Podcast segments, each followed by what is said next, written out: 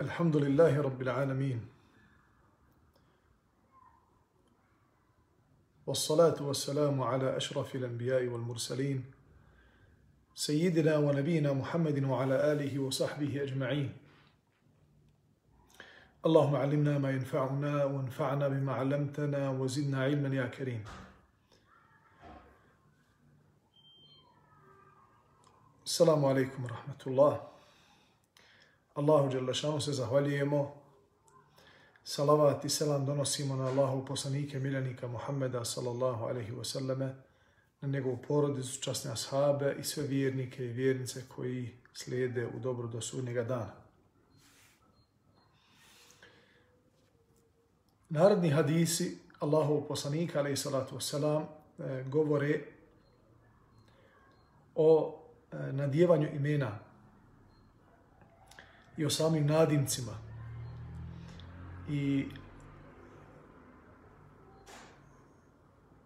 kako je e, došlo u dini islamu da se i taj dio morala poštuje. Na koji način ćemo jedne druge e, zvati, da li je dozvoljeno da nekoga nazivamo nadimkom ili imenom koje njemu nije drago, čak iz, iz ezancije. E, postoje određena imena koja su pokuđena islamu. Pa prvi hadis na tu temu je e, da li je dozvoljeno da postoje neki hadisi koji nisu vezani tačno znači za nas, za nas, za naše podneblje, pošto, pošto je Allahu poslanik ali to selam Arab i Arab imaju e, kao i svaki narod onaj svoj nekakav e, način, znači poseban njima po pitanju imena, po pitanju nadimaka. Pa ima nešto što je kod njih posebno, a to je da e, od davnina jedne druge nazivaju po nadimku njihovih sinova. S tim da dodaju prije nadimka e, otac. Znači, otac Ibrahima, otac Ahmeda. E, Arapi vole da se, da se nazivaju e, takvim nadimcima. Pa je došao, kao što prenosi Hani ibn Jezid, e,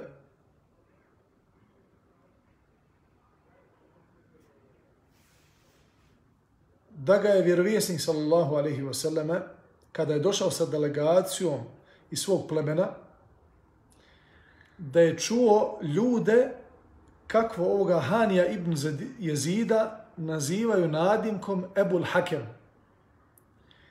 Ebul Hakem znači otac sudca. Pa je sallallahu alaihi ve sallam ga upitao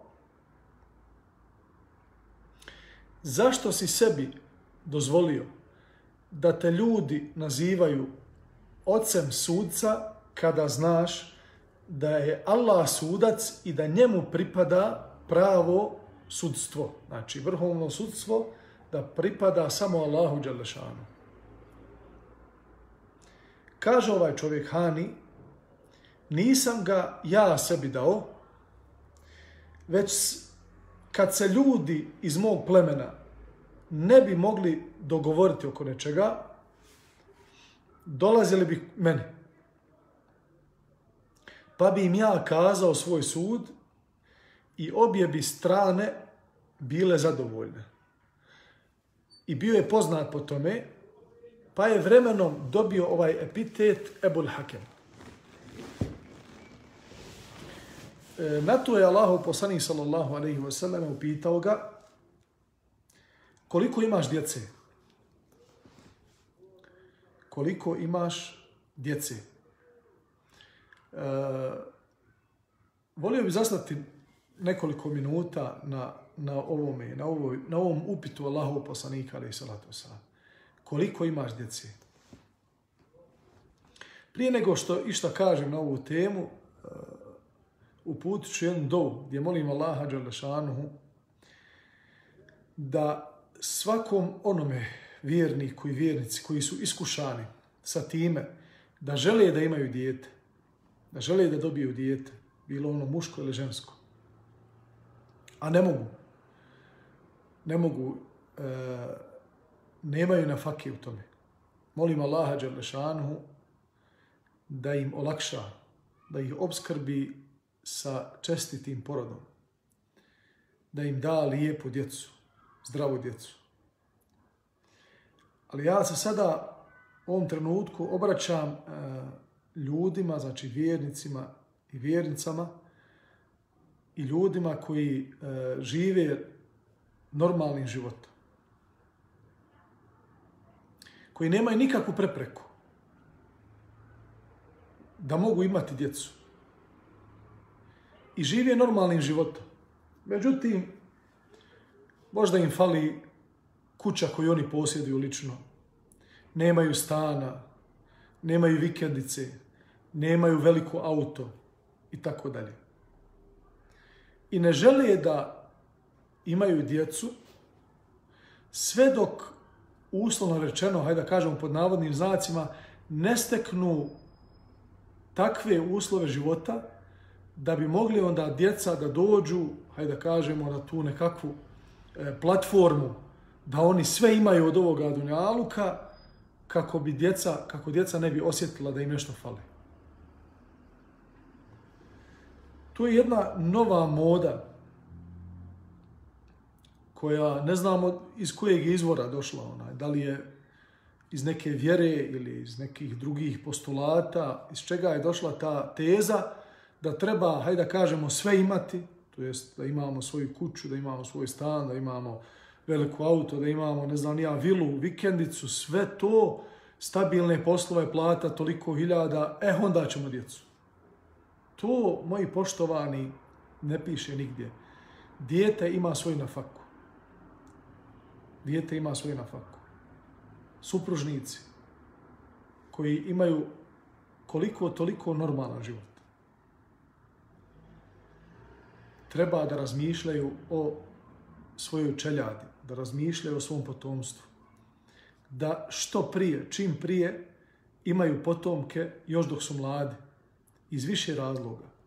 Sada ja ne bi ulazio, ne znam, ja u sam, e, samu tu tezu kojom se bavi sociologija vezano za, za rano dobivanje djece, psihologija, ostali parametri, ostale nauke koje dokazuju koliko je bitno da supružnici još dok su mladi imaju djecu. Znači, poslanik ga ne pita imaš li djece, nego koliko imaš djece. Jer najveće blago koje možeš da posjediš na ovome svijetu je dijete. Nije dinar i dirhem. Nisu marke, niti su kuće, niti su auta. Sve to je znači ona sušta materija koja nema duše. Ne možete razgaliti, ne možete razveseliti, ne možete zagrliti, ne možete poslati svoju emociju to je dunjalu koji će jednoga dana, znači, izaći s tvojih ruku, a da se ti ne pitaš. A dijete ostane iza tebe, pa dovi za tebe nakon tvoje smrti.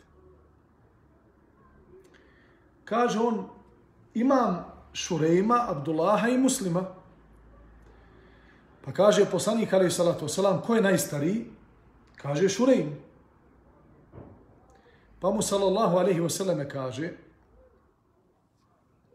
onda daj sebi nadimak Ebu Šurein. Jer je i to jedno od, uh, jedno od, uh, hajde da kažemo, uh,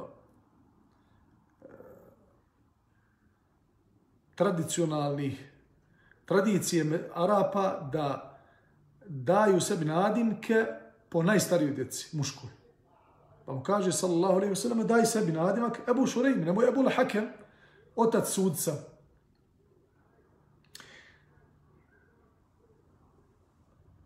I zatim, sallallahu alaihi wa sallam, uputi dovu za njega i njegovu djecu.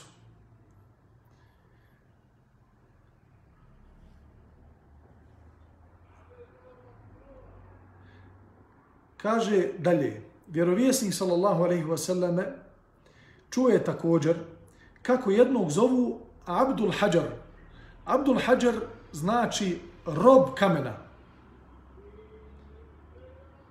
Pa je sallallahu alaihi wasallam kada je čuo kako ga nazivaju, tio da se uvjeri da nije možda pogrešno čuo i tako. Kaže, kako se zoveš? Kaže, Abdul Hajar. Pa mu sallallahu alaihi wasallam reče, ne, ti si Abdullah, ti si Allahov rob, ti si rob kamena.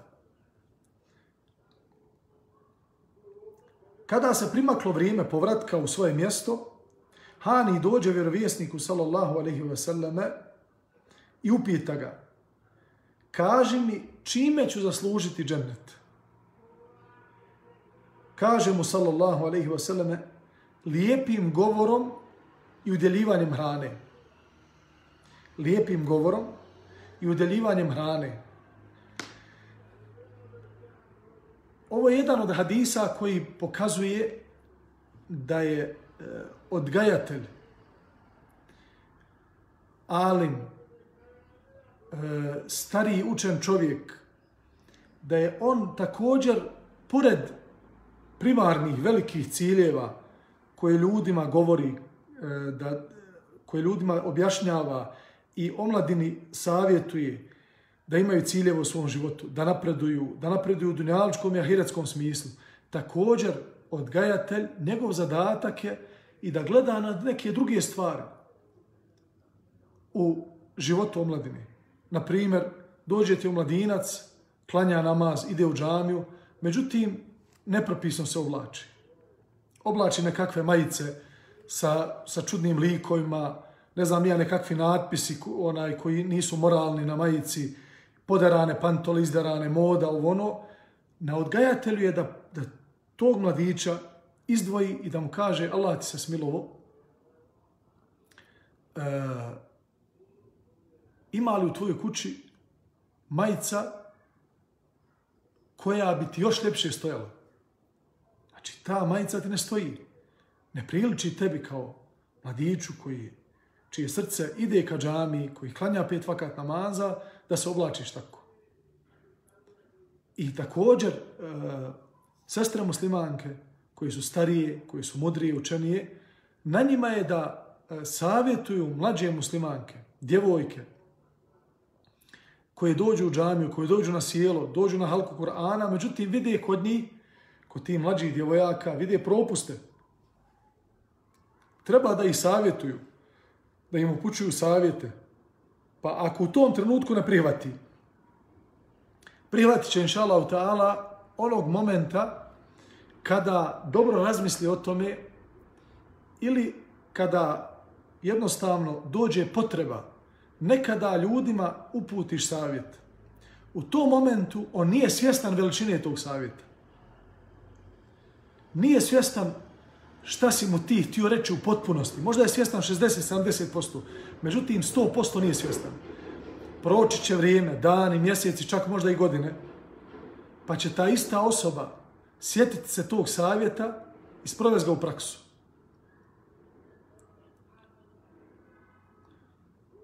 Dobro se sjećam, dok smo bili momci, trebali smo da naspijemo vode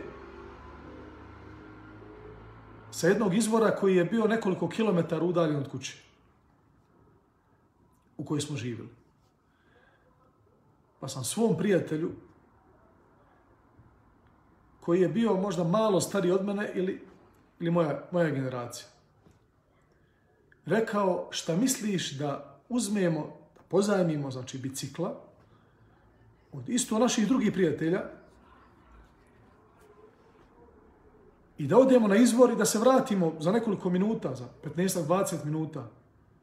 Ako budemo išli pješke, a mi nismo imali svoja bicikla, ako budemo išli pješke, umorit ćemo se. Treba da nosimo kanistere sa vodom. Kaže on meni, bolje je da idemo pješke. Reko, zašto? Kaže, kako bi bili neovisni o ljudima. Ja mu tad kažem, pa dobro, lijepo je biti neovisan od ljudima, ali ovo su naša braća u islamu, ovo su naši prijatelji, dobri, bliski. Ništa mu neće značiti, naprotiv, bit će sretan i radostan ako ga ja upitam, daj mi biciklo da odem do izvora da naspijem vode i vratit ti ga nakon pola sata. Jer znam ja kako bi ja postupio kada bi neko, moj blizak prijatelj, brat musliman, dođe, zatraži mi biciklo da nešto ode do prodavnice da se vrati, ja ja mu dao, ne bi prigovorio, znači ne, ne bi uopšte razmišljao o tome, pa što je on došao da mi uzme. I što mu treba baš moj bicikl. Kaže on, bolje da idemo pješke, a inša Allah, možda ćeš jednog dana u potpunosti shvatiti šta ti govorim. I mi smo otišli pješa, pješke napunili to, te onaj, kanistere i vratili se. I sada kako prolaze godine i iskustvo se povećava, Svatio sam nakon određenog vremena koliko je bitno da čovjek maksimalno smanji svoju potrebu za ljudima. U tom smislu da traži od njih nešto. Pa makar, slušajte dobro ovo, pa makar te osobe od kojih tražiš nešto bili tvoji ukućani. Možda će vam ovo sada biti čudno nekima, nekima neće, možda neki će reći pa jest, u pravu si i ja tako radim i to je ispravno. Ali će neko reći, ma daj, nemoj pričati. što manje si ovisan o ljudima u tom smislu da tražiš nešto od njih, sve će te više cijeniti. I sve ćeš više biti sačuvan njihove loše strane jezika, ruke i drugih dijela koja ti prezireš da se učine prema tebi. Pa makar to bili tvoji ukućani. Ako možeš da ustaneš i da sam sebi doneseš čašu vode iz kuhinje, nemoj nikoga pita za tu čašu, otiđi i donesi je sebi. Pa je shodno tome i savjet poslanika, sallallahu alaihi wasallam, da ako neko od vas jaše, kao što je rekao ashabima, radijallahu anhum, i ispadne mu bić kojim svojoj životini povećava brzinu, znači kad, kad je udara, ona ide brzo. Ako treba da ide galopom, udari je bičem. Kaže, ako nekome od vas taj bič dok jaše svoju jahalicu ispadne, neka siđe po svoj bič. Neka ne traži da mu neko ko hoda u blizini te jahalice, da dođe, da priđe i da mu doda taj bič. Ne, nego neka siđe. I to je bila uputa poslanika, alaih salatu wasalam, svojim ashabima i cijelome umetu.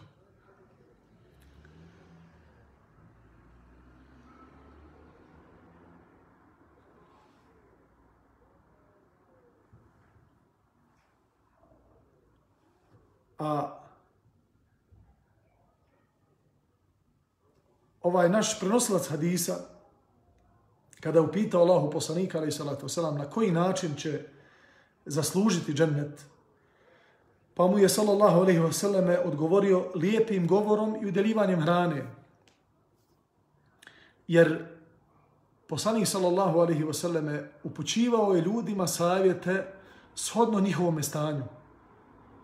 Pa ako je vidio nekoga da se često srdi, i došao da ga pita o dijelu, o nečemu, što ako bude pitao poslanika, ali salatu wasalam, neće nakon poslanika imati potrebu i koga išta da pita, kaže mu sallallahu alaihi wasalam, la tagdab, nemoj se ljutiti ni na koga. Svoju srđbu trudi se da je e, da je ugasiš. Trudi se da je kontrolišeš. Ne daj svojoj srđbi da izađe izvan granica ovom čovjeku je rekao lijepim govorom i udljivanjem hrane. Jer je bio poznat svome narodu. Narod je držao do njega. I svojim moralom i svojim namazom i svojim e, islamskim ponašanjem pridobit ćeš ljudska srca samo ako budeš prema njima nježan, ako budeš govorio lijep i pita govor i ako budeš ljudima pomagao, jer je najpraktičniji način da ljudima dokažeš da im želiš dobro, jeste da ih nahraniš, da ih pomogneš, da budeš praktično za njih tu onda kada im je potrebno. To je najbolji pokazatelj da ljudima želiš dobro. Da ih zovniš u svoju kuću i da ih nahraniš hranom. To jeste jednostavno. Ali razmislimo sada trenutno u kakvom se stanju nalaze muslimani u našim prostorima. Koliko se za 10-15 godina promijenilo stanje samo u našem narodu. Kada je u pitanju gošćavanje gosta, kada je, pita, kada je u pitanju e, ugošćavanje musafira, putnika, koliko se e, izgubila ta osobina koja je krasila naše pretke i naš narod u cijelosti.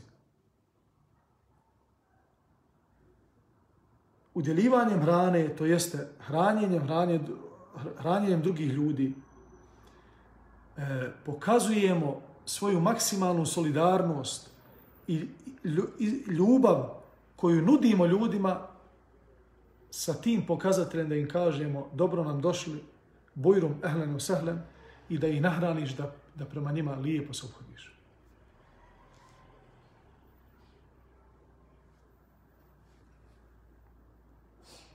Napravit ću kratku pauzu pa ću vam, pa ću vam opet doći za, za minutu dvije.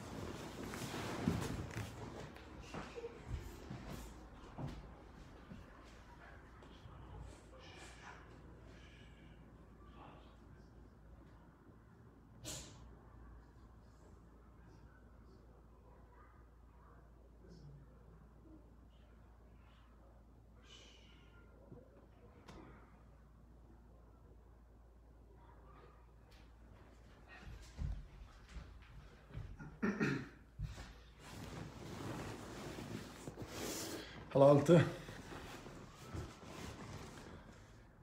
Dobro. Idemo sa sljedećim hadisom. Poslanik sallallahu alaihi wa sallame, e, kao što stoji u naslovu, volio je lijepa imena. I volio je da drugim ljudima nadijeva lijepa imena. Pa u sljedećem, uh, uh, u sljedećoj predaji, od Ebu Hadreda, se prenosi da je poslanik sallallahu alejhi ve sellem rekao pitao je ko će povesti ovu našu devu. Či pitao je prisutne ljude koji se nalaze na jednom mjestu ko će povesti ovu devu na putovanje. Pa je jedan čovjek rekao ja, Allahu poslanice. Pa ga je sallallahu alejhi ve sellem pitao kako se zoveš? E, Primijetit ćete da je uputa poslanika, ali i salatu wasalam, bila takva. Da kada bi s nekim razgovarao, kada bi ga neko pitao nešto, a Allah poslanik ga prije toga nije poznavao, pitao bi ga kako se zoveš.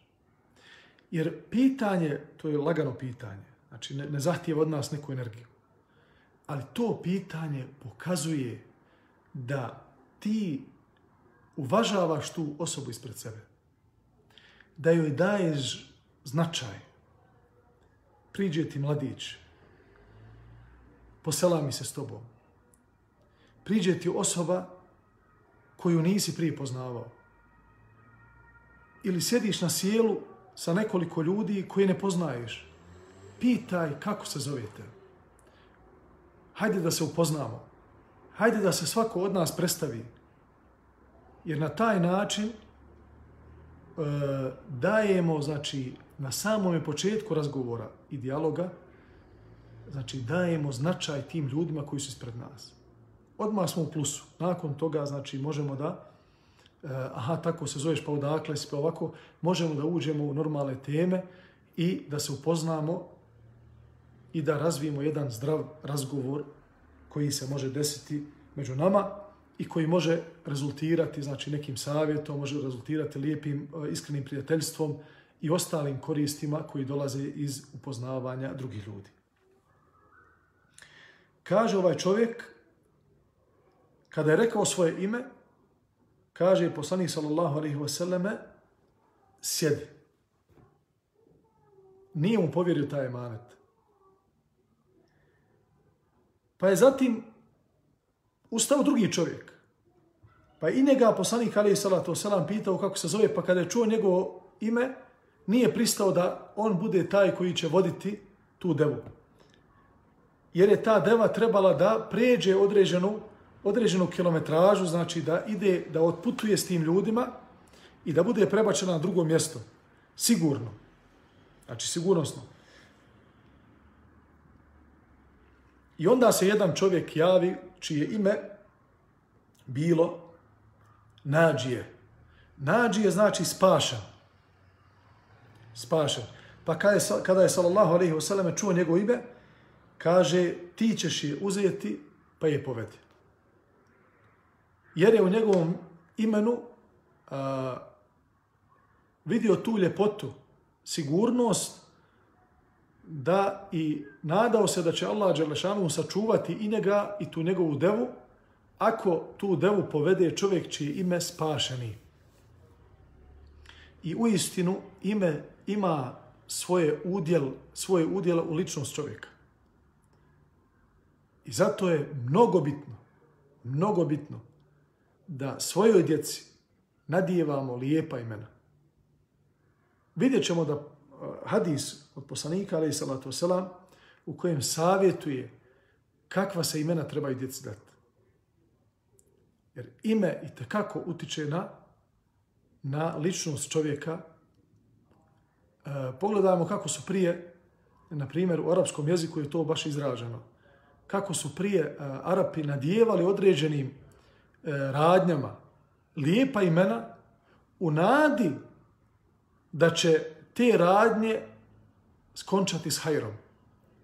Pa, na primjer, karavane koji bi odlazili na duga putovanja, A prije kada su karavane odlazile na putovanja, prijetilo im je mnogo, mnogo, e, mnogo poteškoća je bilo na tim putevima. Što vremenskih, e, što da nije bilo povezano, znači gradovi sela nisu bila povezana, nije bilo e, ustrojstva, nije bilo zakona, pa je svaki malo si mogao naići na, na, na lopove koji bi pljačkali onaj, te karavane i na taj način živjeli i bogatili se. Znači, bile su mnoge neugodnosti, divlje životinje, što ja znam, pustinje, nevremena i tako dalje. Arapi su karavani dali ime kafile. A, što znači ona koja dolazi, a u osnovi karavane odlazi. Karavane idu na put. Ali bi oni, oni su dali ime hoće da kažu mi se inšala nada, inšala ta'ala nadamo da će te karavane se nama vratiti. Pa zbog toga i nazivamo one koje dolaze, a ne one koje, koje odlaze.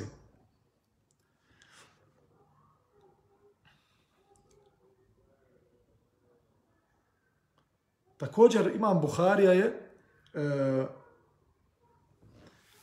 između ovih hadisa o lijepim imenima ubacio jedno poglavlje u kojem opisuje hod Allahov poslanika alaihi salatu wasalam.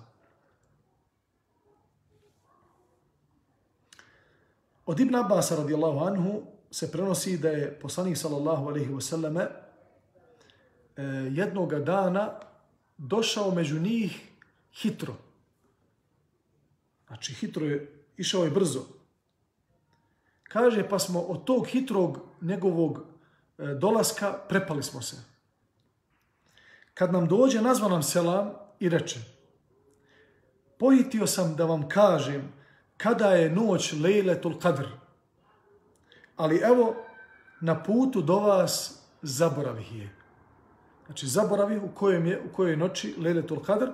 A ima jedan drugi hadis koji je vredostojan, koji upotpunije ovu, ovu, ovaj, ovu priču i ovaj događaj, zbog čega Allah, poslanih sallallahu alaihi wa selleme zaboravio u kojoj noći je Lejletul Qadr, tačno, iako mu je to Džibril, Melek Džibril, e, prenio Međutim, poslanik alejhi Salatu Selam je zaboravio jedino što je, što je e, čega se sjetio i što nije zaboravio, jeste da je ta noć u zadnjoj trećini, e, u zadnjoj trećini e, Ramazana.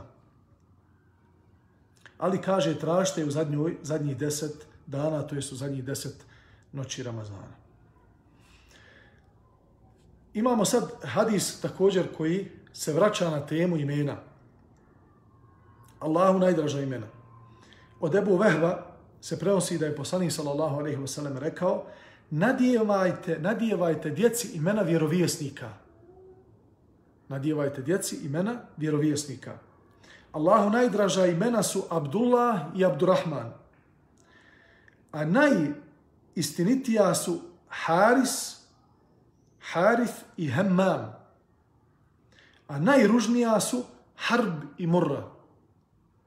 Najružnija su Harb i Murra. Harb je, znači, rat. Znači, da djetu čovjek, e, da, da čovjek svome djetetu da ime rat, to je Allahu naj, najmrže e, ime. Zato što e, to ime poziva na ubijanje, poziva na krvoproliće, poziva na nemire, na nestabilnost. A Allah Đelešanu je objavio istinu kako bi ljudi u islam koji je nazvan mirom ušli u potpunosti. I kako među njima ne bi bilo nesuglasica. I kada pogledamo e, sveobuhvatno islam i objavu Kur'ana i sunneta u okrilu razumijevanja prvih generacija muslimana vidjet ćemo da je mir i lijep, miran život jedno od najvećih blagodati koje Allah Đalešanuhu može čovjeku da dadne na ovome svijetu. A da je rat iznimka i da je rat iskušenje. I mi to, alhamdulillah, muslimani nemamo, nemamo običaj da damo djeci takvo ime koje je najmrže. Međutim, kod drugih vjera, kod jedne skupine kršćana imamo ime Ratko, što, E, što direktno znači upućuje na, na ovo ime, koje je u islamu pokuđeno.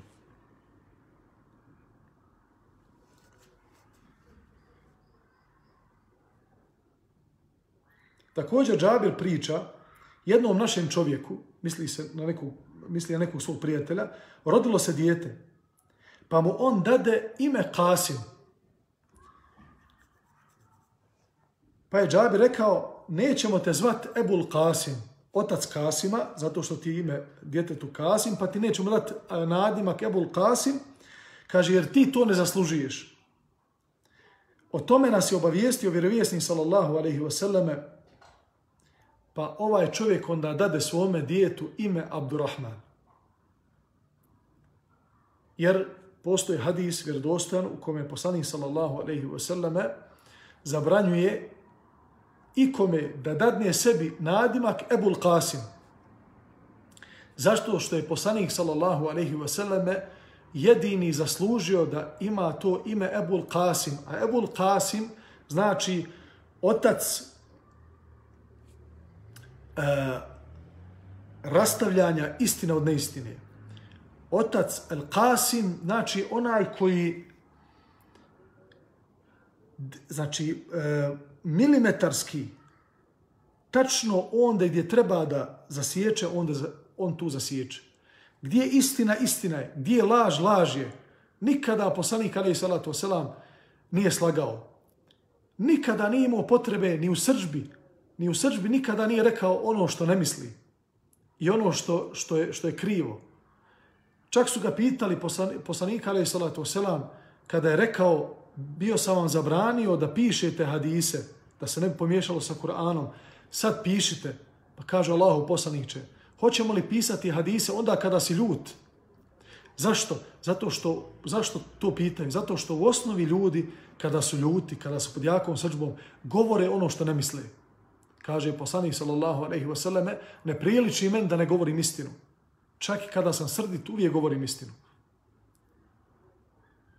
a niko drugi mimo poslanika, alejhi salatu selam, ne zaslužuje da ima taj nadimak, da je on taj koji znači, je pravedan, potpuno pravedan kada, kada govori znači, o dini islamu i kada govori o pravdi, kada govori o istini. Svi ostali ljudi su podložni, podložni su znači, greškama, podložni su e, manipulaciji, drugi, kao što poslanik sallallahu alejhi ve sellem u jednom hadisu kaže Eh,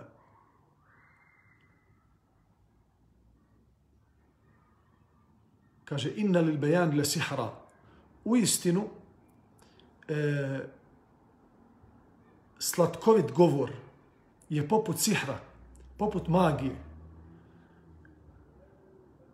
Kaže pa neko od vas će kad dođe da se parniči sa svojim prijateljem sa svojim partnerom hoće da se parniči zbog neke nekog onaj neke razmjernice u biznisu, poslu i tako dalje. Pa će ovaj da pobijedi ovoga drugog ne zbog toga što je na istini, ne zbog toga što, je, što ima svoj hak, ne, zato što je riječit. Zato što ima e, dato mu je, znači data mu je moć u govoru.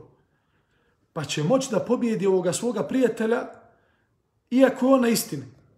Iako je pravda na njegove strane, međutim ovaj će to znat da umota fino da u celofane da, da umota da je on taj koji je oštećen. A on nije oštećen. On je taj koji je oštetio drugog.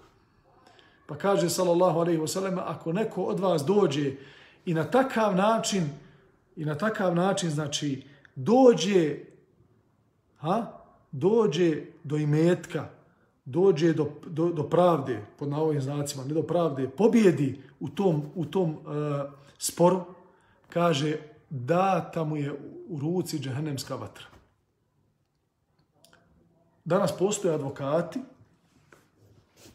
postoje advokati koji su toliko kažu sposobni da iako su svi ubijeđeni, imaju dokaze da i ta i ta osoba kriva, ne znam ja da je nekoga ubila ili zakinula finansijski ili ovo ili ono, kaže toliko su jaki i sposobni ali oni su skupi.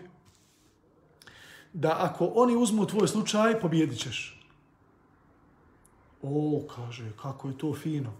Jes to fino na dunjaluku. Ali advokat koji zna, koji je ubijeđen i vidi dokaze, da je njegov klijent kriv i da postoje jasni dokazi, pokazatelji, svjedoci koji svjedoče da ta osoba je zakinula drugu, nemaš pravo da je, da, da, da uzimaš taj slučaj i da se zalažeš za tog okrivljenog, koji je 100% kriv. Na taj način zaslužuješ kaznu i srđbu od gospodara svjetova i ti onaj koji te unajmio. Allaha Đelešanu molim da nas smili oprosti grijehe i da nam podari znanje koje koristi, koje koristi i da nam olakša da se koristimo od onoga što znamo. Kul hauli hada wa astagfirullahi bi velekum. Allah vam dao svako dobro nagradio vas na vašem praćenju, na, e, na tome da želite da slušate hadisa Allahov poslanika, alaih salatu wasalam, i molimo ga subhanahu wa ta'ala da budemo od onih koji će biti u društvu našeg Resulullaha na sudnjemu danu i da zaslužimo njegov šefat, njegovo zauzimanje i da nam Allah Đalešanuhu time oprosti naše grijehe, uvede u dženecka prostranstva. Kul qavli hada, astaghfirullah li ilu alakum, subhanaka Allahum bihamdika, šanu la ilaha ila anta astaghfiruke, wa etubu lejke do narednog predavanja. Assalamu alaikum, rahmatullahi wa barakatuh.